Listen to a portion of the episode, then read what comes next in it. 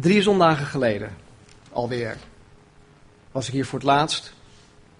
En op die drie, drie zondagen geleden hadden we een hele mooie dienst. Althans, ik had het als heel mooi ervaren. En het was een dienst waarin een aantal mensen iets gedeeld hadden over hun ervaringen op de, uh, de conferentie in Ziegen. Dat de week daarvoor dus plaatsvond. En nogmaals, vanuit mijn optiek werden hele mooie dingen gedeeld. Dingen werden gedeeld waaraan ik persoonlijk kan zien dat, dat wij als gemeente geestelijk aan het groeien zijn. We zijn geestelijk aan het groeien. En bepaalde gebieden waarin ik ook die groei ook zie, um, is onder andere in, in, het, in, in het woord van God. Ik, ik zie groei in dat het woord van Christus steeds meer en meer in onze harten woont. Dat wij steeds meer en meer vol zijn van het woord van God. En Paulus zegt dat ook in Colossense 3:16. Laat het woord van Christus rijkelijk in je wonen. Ik zie groei in dat Jezus Christus steeds meer gestalte in ons krijgt. Dat Jezus in ons leven zichtbaar wordt. En dat zegt Paulus ook in Galaten 4:19, dat Jezus Christus in ons gestalte zal krijgen. Ik zie groei in dat wij ons minder bezighouden met dingen van de wereld. Dingen van de wereld die tijdelijk zijn. En dat wij ons meer bezighouden met de dingen van de hemel. Dingen van eeuwigheidswaarde. Dingen die voor eeuwig zullen blijven bestaan. En Paulus zegt in Colossense 3:2: richt je ogen op de dingen die boven zijn. Niet die hier beneden zijn. Nou, dus kortom, zondagochtend was voor mij persoonlijk een, een echt een hele mooie, mooie tijd samen. Het was mooi om, om, om die week eh, van de conferentie op die manier gewoon af te sluiten met elkaar. Vervolgens, die avond, had de leiderschapstraining, uh, de traininggroep, een, een hele goede zondagavond met elkaar. We hadden het specifiek gehad over de kwalificaties van de voorganger, of de, de oudste, of de opziener. Dat is eigenlijk allemaal hetzelfde. En uh, we hadden gekeken naar 1 Timotheus hoofdstuk 3, waarin Paulus 13 verschillende kwalificaties neerzet. En ik denk dat dat voor een ieder ook op die avond duidelijk is geworden. Kortom, een hele goede zondag voor mij. Nou, toen Marnie en ik rond een uur of negen thuis kwamen van de leiderschapstraining, kregen we bericht dat de gezondheid van Marnie's vader sterk achteruit was gegaan. Uh, de vader van Marnie, David Burry, die lag namelijk al een aantal weken in het ziekenhuis. En uh, we kregen dus ja, op die avond een bericht dat het dus echt niet goed meer met hem ging. Nou, we kregen mensen niet direct te pakken, maar na een hoop gebel, na een paar uurtjes, kregen we eindelijk iemand te pakken die ons de situatie duidelijk kon maken. En ons werd verteld dat Marnie's vader niet lang te leven had, hooguit een paar dagen. Nou, ik weet niet meer hoe dat precies ging allemaal. Het, het, is een beetje wazig geworden. Maar ik kreeg op een gegeven moment een broeder aan de lijn. En deze persoon stond erop om ons wat geld te geven. Om ons te helpen met het boeken van, van een paar vliegtickets.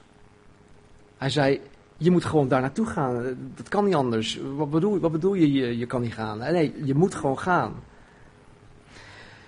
Nou, omdat Marnie haar vader nog levend wilde zien, hadden wij diezelfde avond nog een uh, vlucht geboekt. En we begonnen ja, in te pakken. Uh, we waren er totaal niet op voorbereid. En uh, ik denk om een uur of twee hadden we eindelijk wat, wat dingetjes uh, in, in onze koffers gegooid. Met de bedoeling dat wij de volgende ochtend zouden gaan vertrekken. En het was, ik denk een uur of twee, half drie voordat we gingen slapen. Nou, een paar uur later, om vier uur s ochtends, kregen we een telefoontje met de mededeling dat Marnie's vader overleden was. Hij heet David Malcolm Burry Sr. Nou, hadden we niet verwacht. We hadden gehoopt dat, uh, dat we hem nog uh, levend zouden treffen. Maar goed, dat, dat, dat, uh, het, het, ja, dat ging dus niet. Vervolgens, de, de volgende ochtend, of eigenlijk diezelfde ochtend, um, kregen we het nieuws dat Schiphol volledig plat lag. En dat alle vluchten geannuleerd waren wegens die aswolk uh, van de vulkaan in IJsland. Uh, we konden die maandag dus niet vertrekken. Nou, uiteindelijk zijn we twee dagen later op de woensdag richting Little Rock, Arkansas gevlogen. Nou, hoe moeilijk het afscheid nemen ook was en op momenten nog steeds is, hebben Marnie en ik de zekerheid, wij hebben de zekerheid, dat het sterven van het lichaam niet het einde was voor Marnie's vader. Maar dat het een overgang is. Een overgang tot de heerlijkheid waarin hij nu dag in en dag uit zonder pijn, zonder leed, zonder zorgen, zonder onrecht, zonder verdriet, zonder ziekte, zonder misdaad om zich heen, zonder ellende, zonder zonde. Dat hij samen met Jezus en met allen die hem voorgegaan zijn, heerlijk mag genieten van het eeuwig leven. In dat opzicht ben ik jaloers dat hij mij voorgegaan is. En je zag eigenlijk ook op zijn gezicht dat hij, dat hij blij was. Op basis van Marnie's vaders geloof in en navolging van Jezus Christus weten Marnie en ik 100% zeker dat hij nu in de heerlijkheid leeft. Ik weet het 100% zeker. En op basis van ons geloof weten wij 100% zeker dat wij op een zekere dag met hem herenigd zullen worden. Die zekerheid hebben wij. Nou, het geeft ons een, een hele een, een diepe vrede, het geeft ons rust. Het geeft ons ook iets om naar uit te kijken. Het geeft ons een, een hoopvolle en een zekere toekomst. Niet alleen dat we de, David Malcolm Burry weer, weer zullen gaan zien, maar dat ook wij daar komen. Dat ook wij in die heerlijkheid zullen vertoeven. Nou, namens Marnie, namens alle familieleden wil ik in ieder van, van jullie ook echt van harte bedanken voor, uh, voor jullie steun, voor jullie gebeden de afgelopen weken. En ook wil ik in ieder danken die zich heeft ingezet om de bediening van Cross Culture ook gewoon draaiend te houden. Dus bij deze hartelijk dank aan, aan ieder van jullie. Vanmorgen, vanmorgen vieren wij het heilige avondmaal. Jezus draagt ons op om het geregeld te doen. En hij zegt, doe dit als herinnering aan Hem. Dus ten eerste doen wij dit uit gehoorzaamheid aan Jezus. We doen het ook omdat het ons van, van binnenin verandert. Het verandert ons denken, het verandert hoe wij onszelf zien en hoe wij het leven zien. En uiteindelijk maakt het ons een betere mens van binnenin. voor onszelf, maar vooral ook voor onze naasten. Als je je hart er vanmorgen voor openstelt, dan zal je Jezus ook opnieuw gaan zien.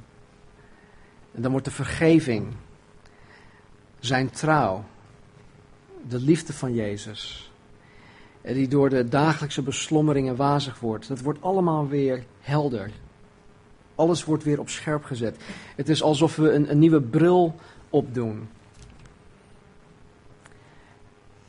Ik ben nu bijna 46 en um, ik, ja, ik draag al een aantal jaren een bril. Ja, vanmorgen niet, maar ik zie jullie nog wel hoor.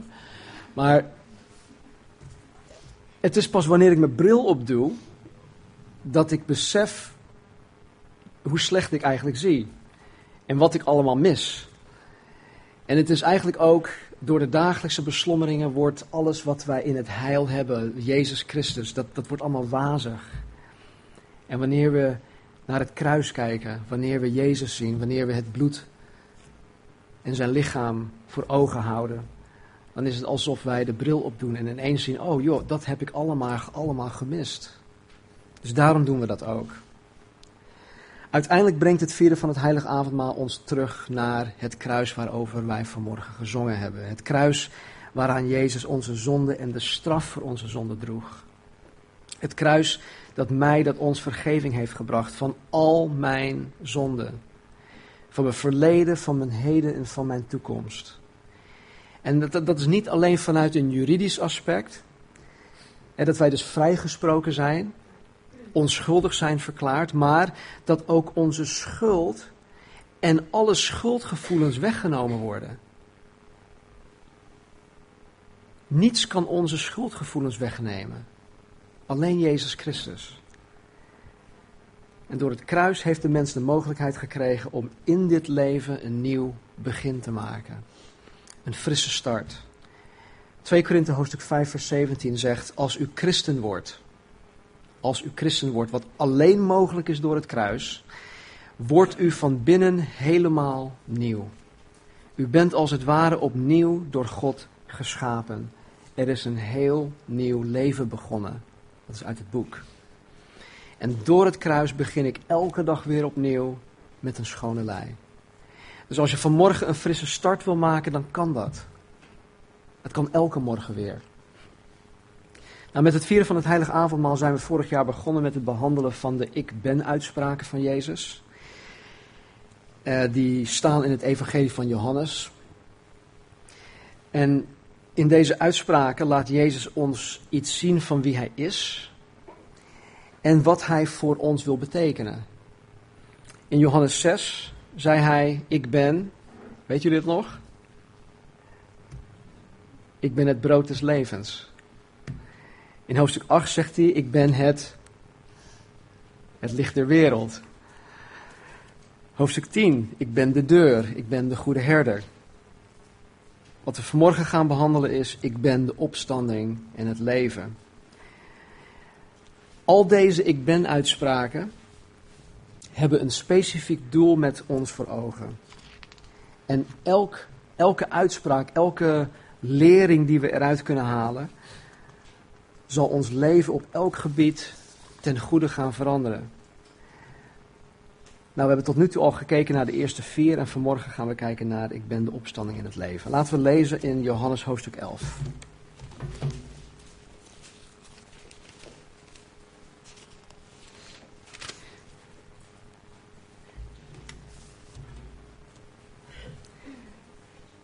Lees vanuit de herziene statenvertaling. Ik begin gewoon met vers 1, hoofdstuk 11, vers 1. En er was iemand ziek Lazarus van Betanië, uit het dorp van Maria en haar zuster Martha. Maria was het die de Heer gezalfd had met meren of met ja, dure parfumolie. En zijn voeten had afgedroogd met haar haren. Ze had gehuild, haar tranen vielen op zijn voeten. Haar broer Lazarus was ziek. Zijn zusters dan stuurden Jezus de boodschap: Heere, zie, hij die u lief hebt is ziek. Dat vind ik wel mooi. Ze zeggen niet, Heere, uh, Lazarus onze broer die wij lief hebben. Nee, zij doen beroep op zijn liefde voor hem. En ik denk dat dat ook ons gebed moet zijn wanneer wij voor iemand bidden. Heren, degene die u lief heeft, die u lief hebt, is ziek. Of degene die u lief hebt, hij moet tot geloof, of hij, zij moet tot geloof komen. Vers 4. En toen Jezus dat hoorde, zei hij: Deze ziekte is niet tot de dood, maar is er met het oog op de heerlijkheid van God, opdat de Zoon van God erdoor verheerlijkt wordt. Jezus nu had Martha en haar zuster en Lazarus lief. Toen hij dan gehoord had dat hij ziek was, bleef hij nog twee dagen in, plaats, in de plaats waar hij was. Nou, dat, dat vind ik ook wel mooi. Hij was niet gehaast. Jezus volgde niet de tijdlijn van de mens. Ik denk dat, dat, dat wij vaak denken van, oh nee, dit gebeurt. We moeten snel schakelen en we moeten gaan handelen, we moeten dingen gaan ondernemen. Maar Jezus volgde het tijd, tijdsplan en de tijdlijn van de Vader. Dus hij bleef daar nog twee dagen. Toen zei hij in vers 7 vervolgens tegen de discipelen, laten wij weer naar Judea gaan. De discipelen zeiden tegen Jezus, rabbi of meester, de Joden hebben u onlangs nog geprobeerd te stenigen in Judea. En gaat u daar weer heen? Jezus antwoordde: Zijn er niet twaalf uren in de dag? Als iemand overdag wandelt, stoot hij zich niet, omdat hij het licht van de wereld ziet. Maar als iemand s'nachts wandelt, stoot hij zich, omdat het licht niet in hem is. Met andere woorden zegt Jezus: Luister, zolang het dag is, moet ik werken. Mijn taak zit er nog niet op, dus kom op jongens. Er is werk aan de winkel, laten we er gewoon voor gaan. We moeten blijven werken. En in vers 11 zegt hij, dit sprak Jezus. En daarna zei hij tegen hen, Lazarus onze vriend slaapt. Maar ik ga naar hem toe om hem uit de slaap op te wekken. Zijn discipelen dan zeiden, Heer, als hij slaapt zal hij gezond worden. En ik denk dat zij van binnen misschien hadden gehoopt van, weet je, het is gevaarlijk in Judea. De Joden hadden, hadden, hadden getracht om je te stenigen. Als ze jou doden, gaan ze ons ook doden. Dus laten we daar alsjeblieft niet naartoe gaan. Als, als hij slaapt, nou, dat, dat is een goed teken. Dan wordt, hij, dan wordt hij vanzelf wel beter. Dus wij hoeven niet te gaan. Maar, vers 13. Jezus had over zijn dood gesproken, terwijl zij dachten dat hij over de natuurlijke slaap sprak. Toen zei Jezus dan openlijk tegen hen: Lazarus is gestorven. En ik ben blij voor u dat ik daar niet was opdat u gelooft. Of met andere woorden, opdat uw geloof versterkt wordt. Maar laten we naar hem toe gaan. Thomas dan, die Didymus genoemd werd, zei tegen zijn medediscipelen, laten ook wij gaan om met hem te sterven. Nou, dit is zo'n gedeelte waar ik, waarin ik eigenlijk heel graag de, de klemtoon en de klank van de stem van Thomas wil, wil horen. Want in dit geval kan je, kan je zeggen van, oh wat is hij een trouwe dienaar. Hè? Hij wil zo graag met Jezus mee en hij is zelfs bereid om met hem te sterven. Dat kan, en dat kan ook heel oprecht gemeend zijn. Maar het kan ook zo zijn dat Thomas, die ook de ongelovige Thomas genoemd wordt, dat hij misschien sarcastisch was. Dat hij zegt van ja, ja ik zie de bui hangen. Als wij met z'n allen gaan, sterven we ook. Samen met Jezus. Maar goed, weten we niet zeker, maar dat kan. Vers 17. Toen Jezus dan gekomen was, bleek hem dat Lazarus al vier dagen in het graf lag.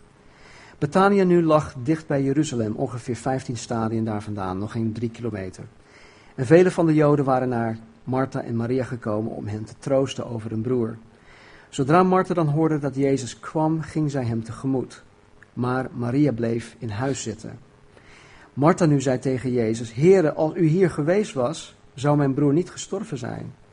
Maar ook nu weet ik dat God u alles wat u van God vraagt geven zal. Jezus zei tegen haar: Uw broer zal weer opstaan. Martha zei tegen Jezus: Ik weet dat hij zal opstaan bij de opstanding op de laatste dag. Jezus zei tegen haar: Ik ben de opstanding in het leven. Wie in mij gelooft zal leven, ook al is hij gestorven. En ieder die leeft en in mij gelooft zal niet sterven in eeuwigheid. Gelooft u dat? Martha zei tegen Jezus, ja Heer, ik geloof dat u de Christus bent, de Zoon van God die in de wereld komen zou. En na dit gezegd te hebben, ging zij weg en riep Maria haar zuster onopgemerkt en zei, de meester is er en hij roept u. Zodra die het hoorde, stond ze snel op en ging naar hem toe. Jezus nu was nog niet in het dorp gekomen, maar was op de plaats waar Martha hem tegemoet gekomen was. Toen dan de Joden die met haar in het huis waren en haar troosten zagen dat Maria snel opstond en naar buiten ging, volgden zij haar en zeiden, zij gaat vast naar het graf toe om daar te huilen. Zodra dan Maria kwam waar Jezus was en hem zag, viel ze aan zijn voeten en zei tegen hem, Heere, als u hier geweest was, zou mijn broer niet gestorven zijn. Toen Jezus dan haar dan zag huilen en ook de Joden die met haar meekwam zag huilen, was hij diep verontwaardigd en werd ontroerd. En Jezus zei, waar hebt u hem gelegd? Ze zeiden tegen hem, Heere, kom het zien. Jezus weende. De Joden dan zeiden, zie hoe lief hij hem had. En sommigen van hen zeiden, kon hij die de ogen van de blinde geopend heeft niet maken dat ook deze niet gestorven was? Jezus dan opnieuw diep verontwaardigd kwam bij het graf. Het was een spelonk en er was een steen opgelegd. Jezus zei, neem de steen weg, Martha. Martha, de zuster van de storven, gestorvene, zei tegen Jezus, Heere, hij ruikt al of hij stinkt al, want hij ligt hier al voor de vierde dag. Ik wil even iets zeggen. De Joden hadden een bijgeloof dat de ziel van de gestorvene tot drie dagen lang nog hier op aarde rondzwierf. Met de hoop dat hij eventueel tot tot leven zou komen, dat de ziel weer terug in het lichaam zou komen. Maar na de derde dag was alle hoop kwijt. En vandaar dat Jezus ook zo lang heeft gewacht. Hij bracht hun tot een totaal hopeloze situatie. De vierde dag. En hier zegt Martha dus: Het is al de vierde dag, hij ruikt al. En in vers 40 zegt Jezus tegen haar: heb ik u niet gezegd dat als u gelooft, u de heerlijkheid van God zult zien? Zij namen dan de steen weg waar de gestorvene lag en Jezus hief de ogen omhoog en zei, Vader, ik dank u dat u mij gehoord hebt. En ik wist dat u mij altijd hoort, maar ter wille van de menigte die om mij heen staat, heb ik dit gezegd, opdat zij geloven dat u mij gezonden hebt. En toen hij dit gezegd had, riep hij met een luide stem, Lazarus, kom naar buiten. En de gestorvene kwam naar buiten gebonden aan handen en voeten met grafdoeken en zijn gezicht was omwonden met een zweetdoek. Jezus zei tegen hen, maak hem los en laat hem weggaan. Velen dan van de Joden die naar Maria toegekomen waren en gezien hadden wat Jezus gedaan had, geloofden in Jezus. Maar sommigen van hen gingen naar de Fariseeën en zeiden tegen hen wat Jezus gedaan had. Nou, tot zover. Vanmorgen wil ik voornamelijk gaan kijken naar twee versen. En dat is de ik ben uitspraak van Jezus in vers 25 en 26. Maar ik heb het voorgelezen om de context van het verhaal duidelijk te krijgen. Jezus zei in vers 25: Ik ben de opstanding en het leven. Wie in mij gelooft, zal leven, ook al is hij gestorven. En ieder die leeft en in mij gelooft, zal niet sterven in eeuwigheid. Gelooft u dat? Jezus zegt in vers 25 tegen een hele verdrietige, rouwende Martha, dat hij de opstanding en het leven is. Nou, het is opvallend, want Jezus zegt hiermee, althans het is voor mij opvallend, dat hij het is. Hij als persoon is de opstanding en het leven. De opstanding uit de dood, de overwinning over de dood, het leven, het eeuwige leven is in Jezus Christus. Hij zegt, ik ben dat. Martha zit te denken aan een gebeurtenis. Want Jezus zei daarvoor, je broer Lazarus zal weer opstaan. Ja, weet ik. De laatste, de laatste dagen, eh, aan het eind van de wereld zal, zal hij opstaan. Dus zij zit te denken aan een gebeurtenis in de verre toekomst. Een moment aan het einde der tijden. En het is waarin alle lichamen zullen opstaan. Alle lichamen zullen opstaan. En dit zal te zijn tijd gebeuren. Maar Jezus zegt dat Hij nu al, nu al de opstanding en het leven voor Martha wil zijn. Dus niet ergens in de verre toekomst, maar in haar heden. Het gaat hem hier niet eens over Lazarus, het gaat hem over Martha. En dus zegt Jezus tegen Martha: Kijk naar mij. Geloof in mij, een persoon. Ik ben de opstanding en het leven. De redding. De redding die de Bijbel ons aanbiedt, die God ons aanbiedt. Het christelijk geloof. De zekerheid van een eeuwig leven samen met God. De overwinning over de dood. Deze dingen komen niet tot ons door een of ander systeem of door religie, of door de kinderdoop, of door je te houden aan een reglement of een gedragscode. Nee, het komt tot ons door middel van een levend persoon. Jezus Christus, die de opstanding en het leven is. Het is zelfs niet zo dat men de opstanding en het leven ontvangt door te geloven in een of ander geloofsbeleidenis. Nee, men hoort te geloven in een persoon, in Jezus. De mens zal de dood niet verslaan, niet overwinnen door elke week naar de kerk te gaan. Of door lid te worden van een plaatselijke gemeente. Of zelfs door een taak uit te voeren in de kerk. De mens zal de dood niet verslaan of overwinnen door positief te denken. Of door positief te blijven in ellendige situaties. De mens zal de dood niet verslaan door een goed mens te zijn. En of door goede dingen voor je medemens te doen. Nee, de mens kan en zal de dood alleen kunnen verslaan door zich volledig te geven aan een persoon die Jezus heet die van zichzelf zegt: Ik ben de opstanding en het leven. En jezelf aan een persoon geven. Of in een persoon geloven en vertrouwen. Jezelf aan een persoon onderwerpen. Deze persoon navolgen. Dat, dat spreekt allemaal van een persoonlijke relatie met die persoon. Jezus Christus is totaal niet geïnteresseerd in goede christenen die zich weten te houden aan allerlei regeltjes. Hij wil je hart veroveren. En we zingen dat lied. Capture my heart. I surrender my will. Jezus wil je hart veroveren. Hij wil, de, hij wil je hartstocht zijn. Hij wil je lust en je leven zijn. Hij wil jouw passie zijn. Hij wil jouw liefde ontvangen. Hij wil jouw toewijding ontvangen. Hij wil een persoonlijke, intieme relatie met jou opbouwen. Ik ben de opstanding en het leven. Wie in mij gelooft zal leven, ook al is hij gestorven. En ieder die leeft en in mij gelooft zal niet sterven in eeuwigheid. Gelooft u dat? Jezus zegt, wie in mij gelooft zal leven, ook al is hij gestorven. Als je vanmorgen in Jezus Christus gelooft, dan zal je leven. Misschien denk je nu, ja, ik geloof niet, of niet helemaal, of nog niet, maar toch ben ik er. Ik zit hier. Ik adem, ik heb een hartslag, dus ik leef, toch? Tuurlijk. Tuurlijk leven wij. Wij leven hier allemaal lichamelijk. Maar Jezus heeft het over een ander soort leven. Jezus spreekt hier van het geestelijk leven en, en dat leven komt voor de mens alleen tot stand door middel van een persoonlijk geloof in een persoon.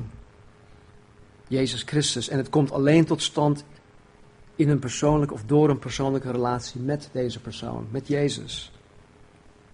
Ik heb het al eens vaker of eerder gezegd. Ik zeg het nog een keer. Ons lichaam bestaat uit, of ons wezen, ons, hè, ons wezen bestaat uit lichaam, ziel en geest. Ons lichaam komt vanzelf tot leven op het moment dat het eicel in onze moeder bevrucht wordt. De wetenschappers die betwijfelen dat, want die zeggen dat het pas leeft wanneer het, whatever, zes maanden is of uh, noem, maar, noem maar op. Maar het komt tot leven wanneer het eicel bevrucht wordt. Ons ziel is de zetel van onze gedachten, van onze emoties, van het innerlijke van de mens. En ook dit komt vanzelf tot leven en het behoort tot ieder mens. Dat maakt ons uniek.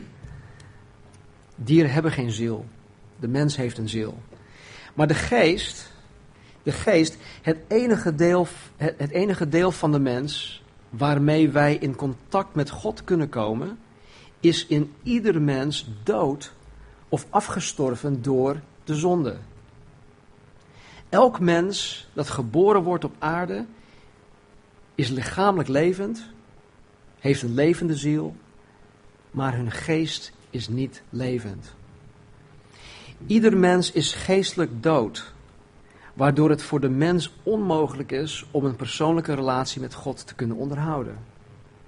Jezus zegt in Johannes 4, vers 23, 24, de tijd is nu dat de ware aanbidders de Vader zullen aanbidden in geest en waarheid. Want de Vader zoekt wie hem zo aanbidden. God is geest en wie hem aanbidden, moeten hem aanbidden in geest en waarheid. Nou, om God in geest en waarheid te kunnen aanbidden, moet onze geest tot leven komen. Iets dat dood is, kan helemaal niets. Dus ook onze geest niet. Vandaar dat Jezus in Johannes 3 zegt tegen Nicodemus dat de mens geestelijk geboren moet worden. Laten we even teruggaan naar Johannes hoofdstuk 3.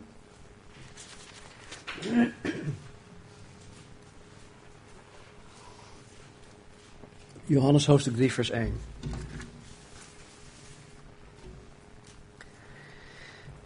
Er was iemand uit de Fariseeën, zijn naam was Nicodemus, een leider van de Joden. Deze kwam s'nachts naar Jezus en zei tegen hem, Rabbi of meester, wij weten dat u van God gekomen bent als leraar, want niemand kan deze tekenen doen die u doet als God niet met hem is.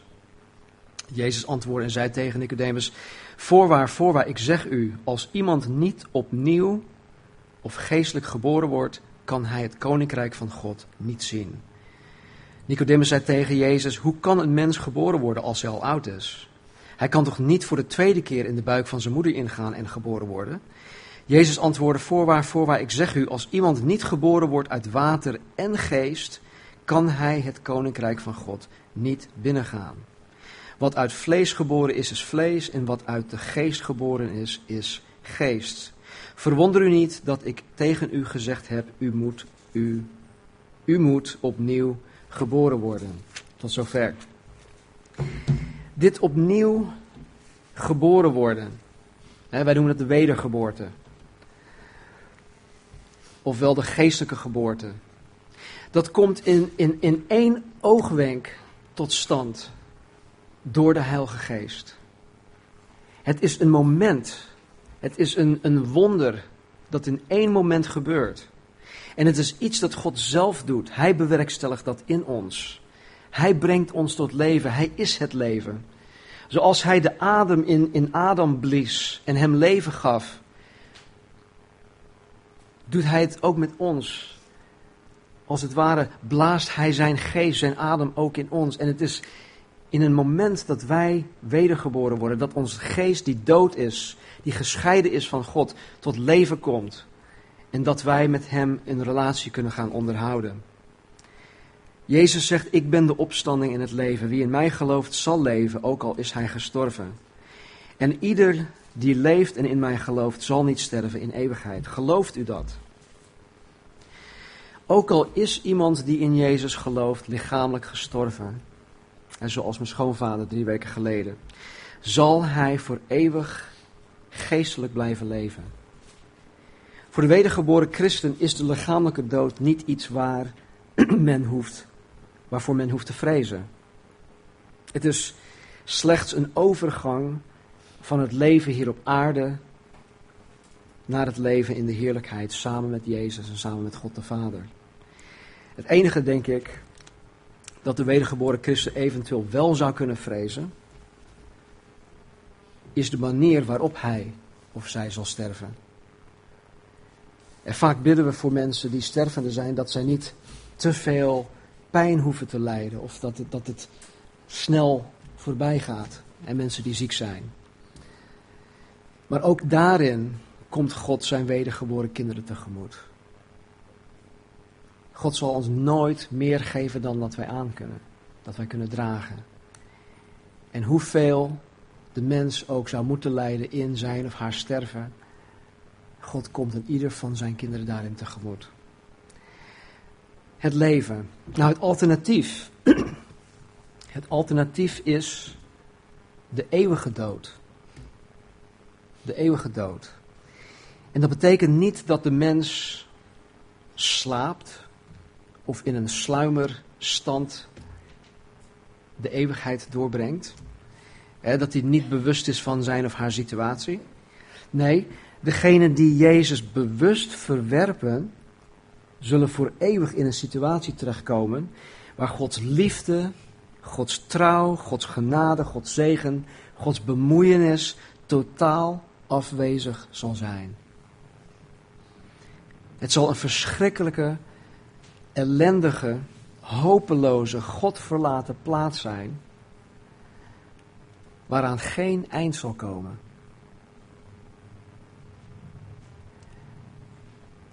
Voor degenen die Jezus Christus bewust verwerpen, is het leven hier op aarde, hoe slecht het ook kan zijn, het allerbeste dat zij in hun eeuwig bestaan zullen meemaken. Voor de wedergeboren christenen die Jezus navolgen, is het leven hier op aarde het allerergste dat wij in de eeuwigheid ooit zullen meemaken.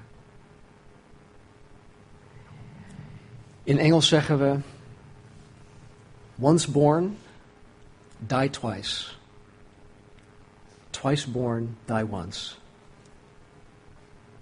dus één keer geboren, lichamelijk, zal je twee keer sterven. Geestelijk en voor eeuwig. En twee keer geboren, lichamelijk en geestelijk, zal je maar één keer hoeven te sterven. Tenzij Jezus Christus ons opneemt. Tot slot zegt Jezus tot Martha: Gelooft u dat? Geloof je dat? En de sleutel ligt in het antwoord dat Martha aan Jezus geeft. In vers 27 van hoofdstuk 11 zegt Martha dit. Ze zei tegen hem: Ja, heren, ik geloof dat u de Christus bent, de Zoon van God, die in de wereld komen zou. Martha gelooft alles over Jezus. Alles dat over Jezus in het Oud Testament geschreven staat en alles dat Jezus zelf over zichzelf heeft gezegd en heeft laten zien. En wat hierin heel belangrijk is, is de woordkeuze die Martha hierin gebruikt. Hier staat dus wel, ja heren, ik geloof. Maar er staat dat zij tot geloof is gekomen. Zij is tot een punt gekomen in haar leven dat zij tot geloof is gekomen dat Jezus is wie hij beweert te zijn. En Martha's geloof is geen geloof in de opstanding in het algemeen, maar in Jezus Christus, de persoon. De persoon die de opstanding in het leven is. En vanmorgen vraagt Jezus dit ook aan jou. Geloof je dat? Geloof je dat? Laten we bidden. Vader, ik dank u voor wie u bent. Heren, dat u zo ver gegaan bent door uw eigen zoon aan ons te geven. En door zijn opstanding, Heer, uit de dood. Het ons mogelijk maakt om ook leven hier op aarde te hebben en het eeuwige leven samen met u. Heere Lazarus, die opgewekt is uit de dood, die is als het ware gereanimeerd. Maar hij is uiteindelijk weer lichamelijk gestorven. Maar hij is wel met u, heren, in de heerlijkheid. Jezus die uit de dood opstond, die is niet gereanimeerd. Hij is daadwerkelijk door de kracht van de Heilige Geest opgestaan tot heerlijkheid. En de dood zal hem nooit meer, ja, zal hem nooit iets meer kunnen maken, Heer. Hij heeft de dood overwonnen. En doordat Jezus de dood heeft overwonnen, kunnen ook wij de dood overwinnen. Dus als je vanmorgen niet zeker bent over jouw toekomst, als je de zekerheid niet hebt dat wanneer je je laatste adem hier op aarde uitblaast, dat je eerste adem weer met Jezus zal zijn, dan daag ik je uit, dan vraag ik je, ik smeek je zelfs om het goed te maken met God. Dat ook jij zeker weet dat Jezus de opstanding en het leven is. En dat ook jij de, de dood zal overwinnen. Als je niet zeker weet of je nou wel of niet geestelijk tot leven bent gekomen. Of je nou daadwerkelijk wedergeboren bent of niet. Maak vandaag dan alsjeblieft die keus.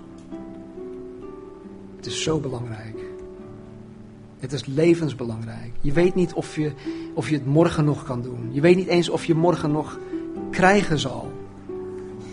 Je hebt het niet in eigen hand. Dus wil je dat doen, doe het alsjeblieft vanmorgen nog. Heer, ik dank u. Dank u voor het kruis. Dank u voor het bloed van Jezus. Dank u, Heer, dat u het ons mogelijk heeft gemaakt om uw kinderen te mogen zijn. Uw erfdeel. En Heer, dat u ons alle geestelijke gaven en gezegen heeft gegeven, Heer, in de, in de hemelse gewesten. Dat u ons niet als wezen heeft achtergelaten, maar dat, dat u ons uw geest heeft gegeven, Heer, die nu in ons woont. Die ons kracht geeft, Heer, om getuige te zijn. Die ons ook kracht geeft, Heer, om christen te zijn. Om het christelijk leven tot uiting te laten komen in ons. Dus Heer, waar we op dit moment ook staan in ons leven, hoe we ook in onze relatie, Heer, met U staan. Help ons, Heer. Kom ons tegemoet. En laat ons vanmorgen een frisse, een nieuwe start maken. Dank u, Heer. Dank u voor uw genade. Dank u wel. In Jezus' naam. Amen. Terwijl het worshipteam ons voor zal gaan in het zingen van een aantal liederen, wil ik je vragen om alsjeblieft de tijd te nemen om vanuit je stoel in stilgebed gewoon dingen goed te maken met God. We schieten allemaal tekort. We falen allemaal, dag in en dag uit. Geloof me, ik weet het.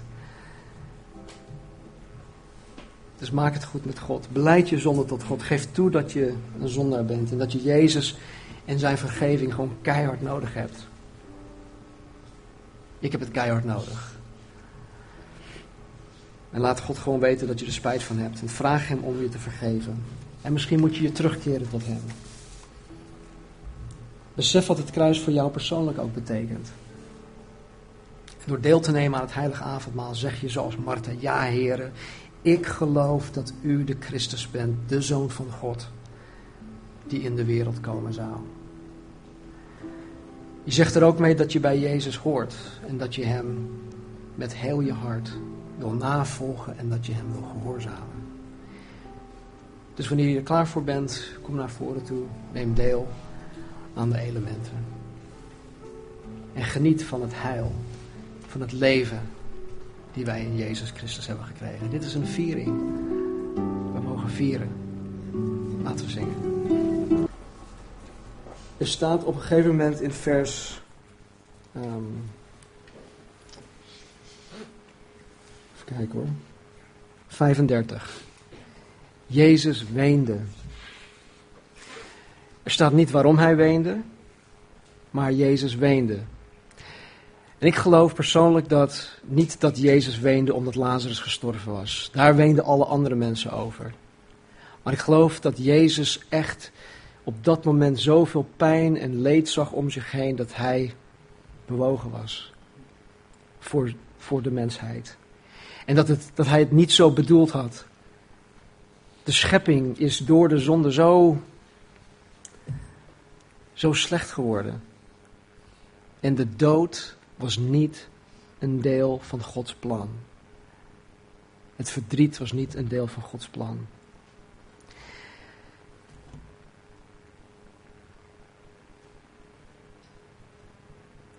In vers 40 zegt Jezus: Heb ik u niet gezegd dat als u gelooft, u de heerlijkheid van God zult zien? Weet je, wij mensen willen graag eerst zien, dan pas geloven. Maar Jezus leert ons dat wij eerst moeten geloven en dan pas zullen wij het zien. We hebben net gezongen, I surrender all to you. I'm giving up my dreams. I'm laying down my life. Even sharing in your pain. Weet je, de afgelopen twee weken heb ik, ja, ben ik best wel onder de indruk geraakt door Gods goedheid. Maar tegelijkertijd ook door veel verdriet. Maar de, de, de moeilijke dingen die wij meemaken, waar wij doorheen gaan, dat zijn dingen die God wil gebruiken om ons beter te maken, om ons meer en meer op Jezus Christus te laten worden. Hij vormt ons daardoor. Hij geeft ons meer en meer zijn hart voor God en voor elkaar, voor zijn gemeente, voor de verloren wereld om ons heen. Dus Mocht je me op dit moment lijden, mocht je heel veel pijn en verdriet hebben,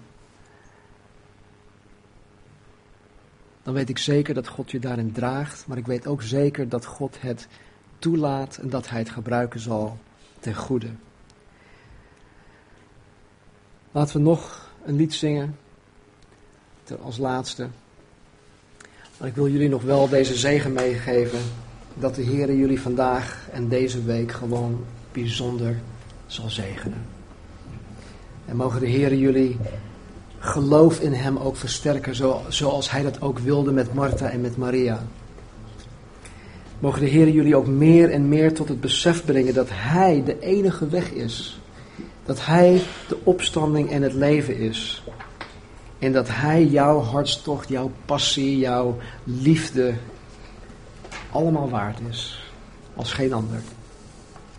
Dus wees gezegend en wees een zegen voor elkaar. En geniet van het leven met God. In Jezus' naam. Amen. Laten we zingen.